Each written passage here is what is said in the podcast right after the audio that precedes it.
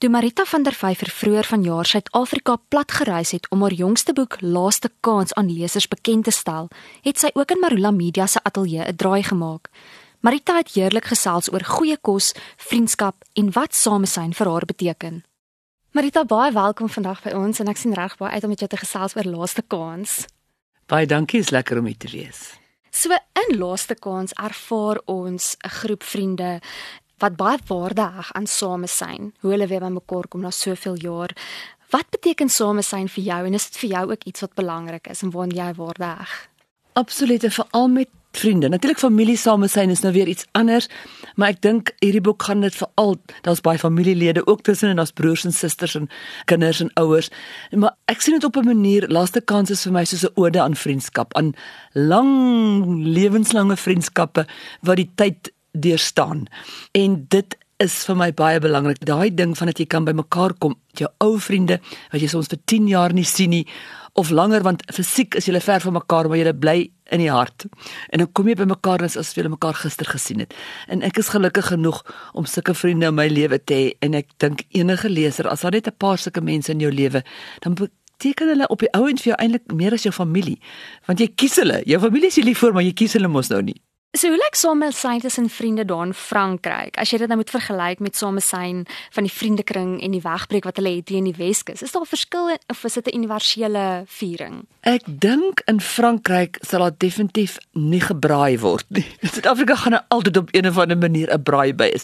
In hierdie geval is dit op die eerste aand doen hulle 'n visbraai en dan is daar ook 'n groot spottery omdat party van hulle of al van die jonger geslag nou vegetariërs geword het, want hier is die 10 vriende wat nou al tussen hulle laat 50s en 70 wissel en dan hulle kinders, hulle volwasse kinders wat ook saamkom na die naweek en dan veral van die jonger geslag maar ook van die ouer geslag is daar 'n hele paar wat of baie minder vleis eet as 20, 25 jaar gelede. So hulle hou 'n visbraai en een van die ouens sê so ja, ou Philip wat lankal oorlede is sou disgusted gewees het want dit is nou soos 'n slaai braai voel dit vanaand. Dit is omtrent 25 jaar van dat Wegkom Kans die eerste keer gepubliseer is met 'n heruitgawe nou in rondom 2018 en lesers toe nou met hierdie 10 karakters kennis gemaak het.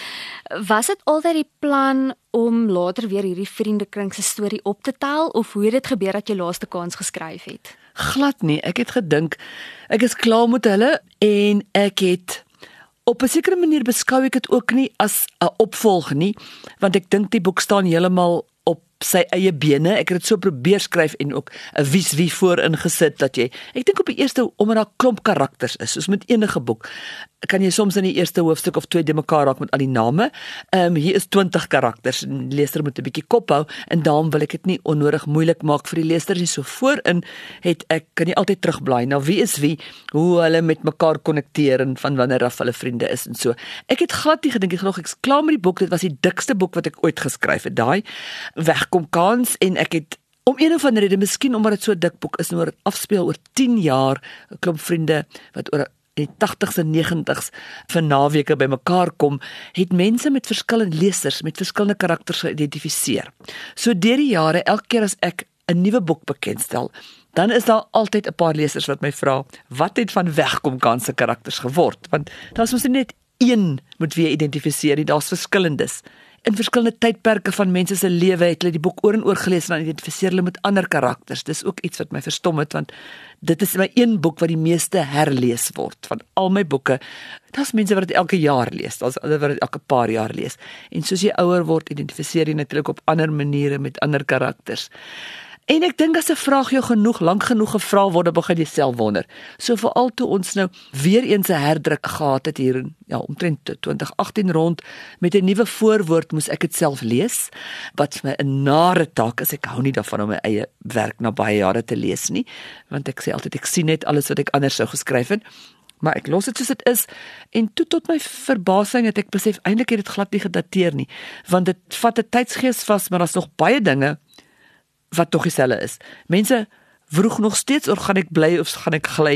Daar's baie dinge wat op 'n heel ander manier verkeerd is in die land, maar wat mense nog net so ontevrede oor is. So dit het my toe laat dink, okay, maar ek wonder wat sou het geword van hierdie groep vriende. Toe ek begin dink al hoe meer en begin notas maak, gedink, okay, dit sal nogal lekker wees om hulle weer saam te bring vir 'n naweek. Ek weet nie hoe ander lesers die boek gelees het nie, maar ek het begin deur 'n breinkaart te teken. Jy weet met pyltjies ja. en sê hierdie is hierdie se kind 'n geliefde. Jy's 'n baie deeglike leser. Ook om myself te help aanvanklik om kop te ja. hou. Maar wat ek by jou wil weet is Of ek het al gehoor van mense het gesê, "Ekskuus, ek in rede val." Hulle het sê maar 'n skermgreep gevat van daai wie is wie. Sodat jy nie elke keer hoef letterlik terug te blaai nie, dan het jy dit nou op jou foon. Ja, nee, ek het hom sommer geteken op 'n aparte boekie en hom byderhand gehou en dit het ook baie goed gewerk.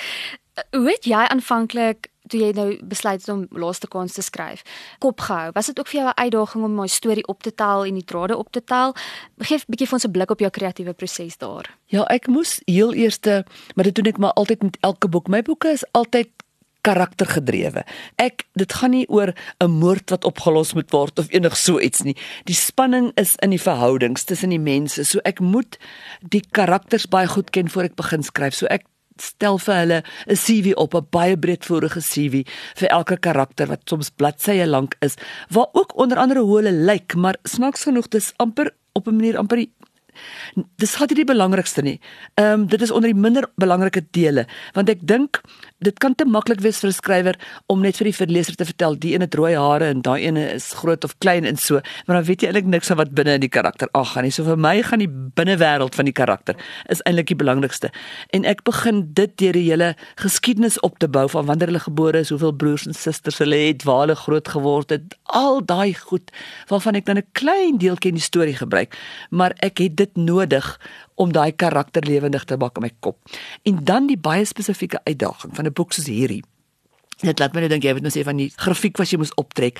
Ek moes baie kop hou met wanneer hulle hulle sit in meer as hulle sit om 'n tafel en gesels op meer as een plek. En natuurlik sit almal nie altyd op dieselfde plek. Dis 3, 4 dae wat hierdie storie oor afspeel. Ek moes letterlik 'n prentjie teken van die tafel en waar elkeen sit sodat jy weet dat jy as skrywer jou nie ek moet dit visueel sien in my kop. So wie sit langs wie? Die leser hoef dit nie presies te weet nie hoef dit nie uit te spel vir die leser nie. Maar as een karakter omdraai as Mila omdraai om na Rolf te kyk moet hy langs haar sit in die oorkant haar nie.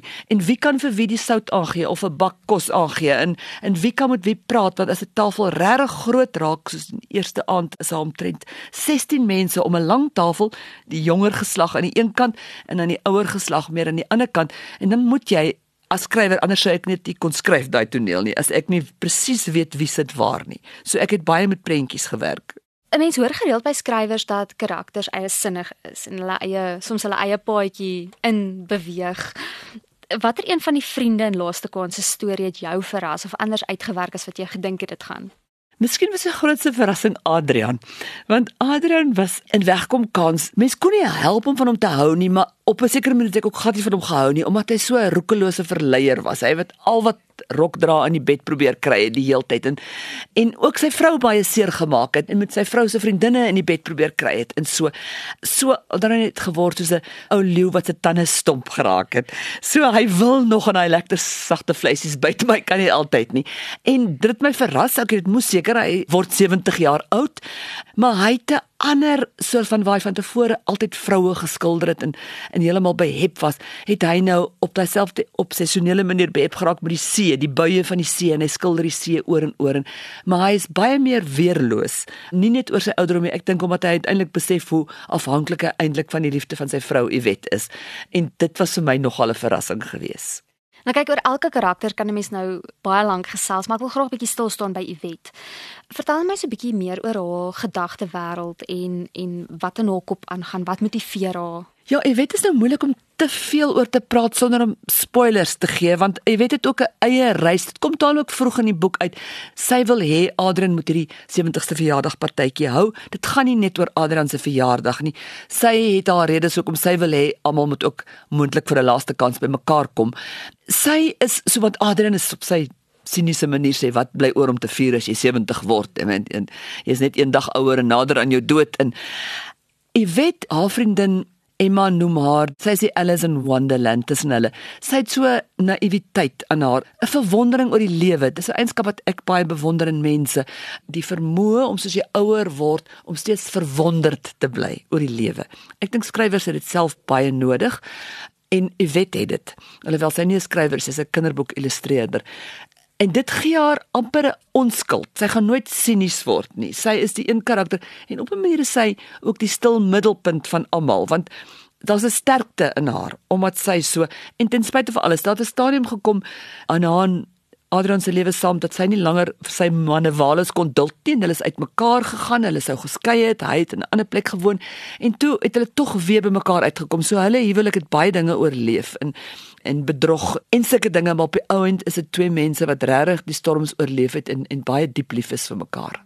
Ek het baie gesê jy het genoem van die sterk eienskap wat sy het want dis presies wat ek ook opgetel het. Sy's baie sterk in haar stilligheid. Ja. Asof sy ja. amper 'n vriendekring bymekaar Ja. bring en bymekaar hou op 'n manier, ja. op al die foto's sit sy in die middel. Is sy as hulle groep foto's neem, is sy amper outomaties. Daar is ek dink daar's dikwels so iemand in die vriendekring wat 'n mens as jy so 'n groep vriende bymekaar het, daar is die lawaaiers en die aandagsoekers en die clowns en so, maar jy het iemand nodig, daai stil, daai kern wat gaan besluit, okay, nou gaan ons weer 'n slag bymekaar kom en wat dan die moeite gaan doen om almal oral in die wêreld want hulle lewe nou al party lewe in ander lande en almal om 'n datum te kry en almal te sê, okay, hier is die rede. Ons vier Adrian se 70ste verjaardag partytjie. Sorg dat julle hier is. Hy begin maande voor die tyd dit reël en op die ouend maak dit ook moeilikheid want haar dogter is baie ver swanger en is nie heeltemal reg dalk vir die partytjie nie, maar al daai goeters word geoverride. Ek kan nou nie 'n Afrikaanse woord dink nie deur deur die feit dat sy wil haar vriende weer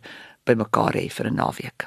Dis eintlik 'n les wat 'n mens haar kan leer om ook te sê ten spyte van die gejaag waarin ons onsself tans bevind aan die einde van die jaar en so, wel eintlik in die algemeen. Ja. Mense maar net sê, weet jy, ons maak net 'n datum vas. Mense Nee. moet maar net daar wees. Absoluut. En daai en dan ek dink deur die loop van die naweek leer selfs die meer siniese karakters soos ou Adrian wat dan vir die jonger Alexander is een van die jonger generasie wat die naweek wil vir ewig sy geskenk is 'n hou movie wat hy maak en dan sê Adrian so spot en daar is nie iets soos vir ewig nie. Jy sal ook as veral as jy na 70 kom jy agter niks is vir ewig nie. Maar Alexander wil dit nogtans vasvang.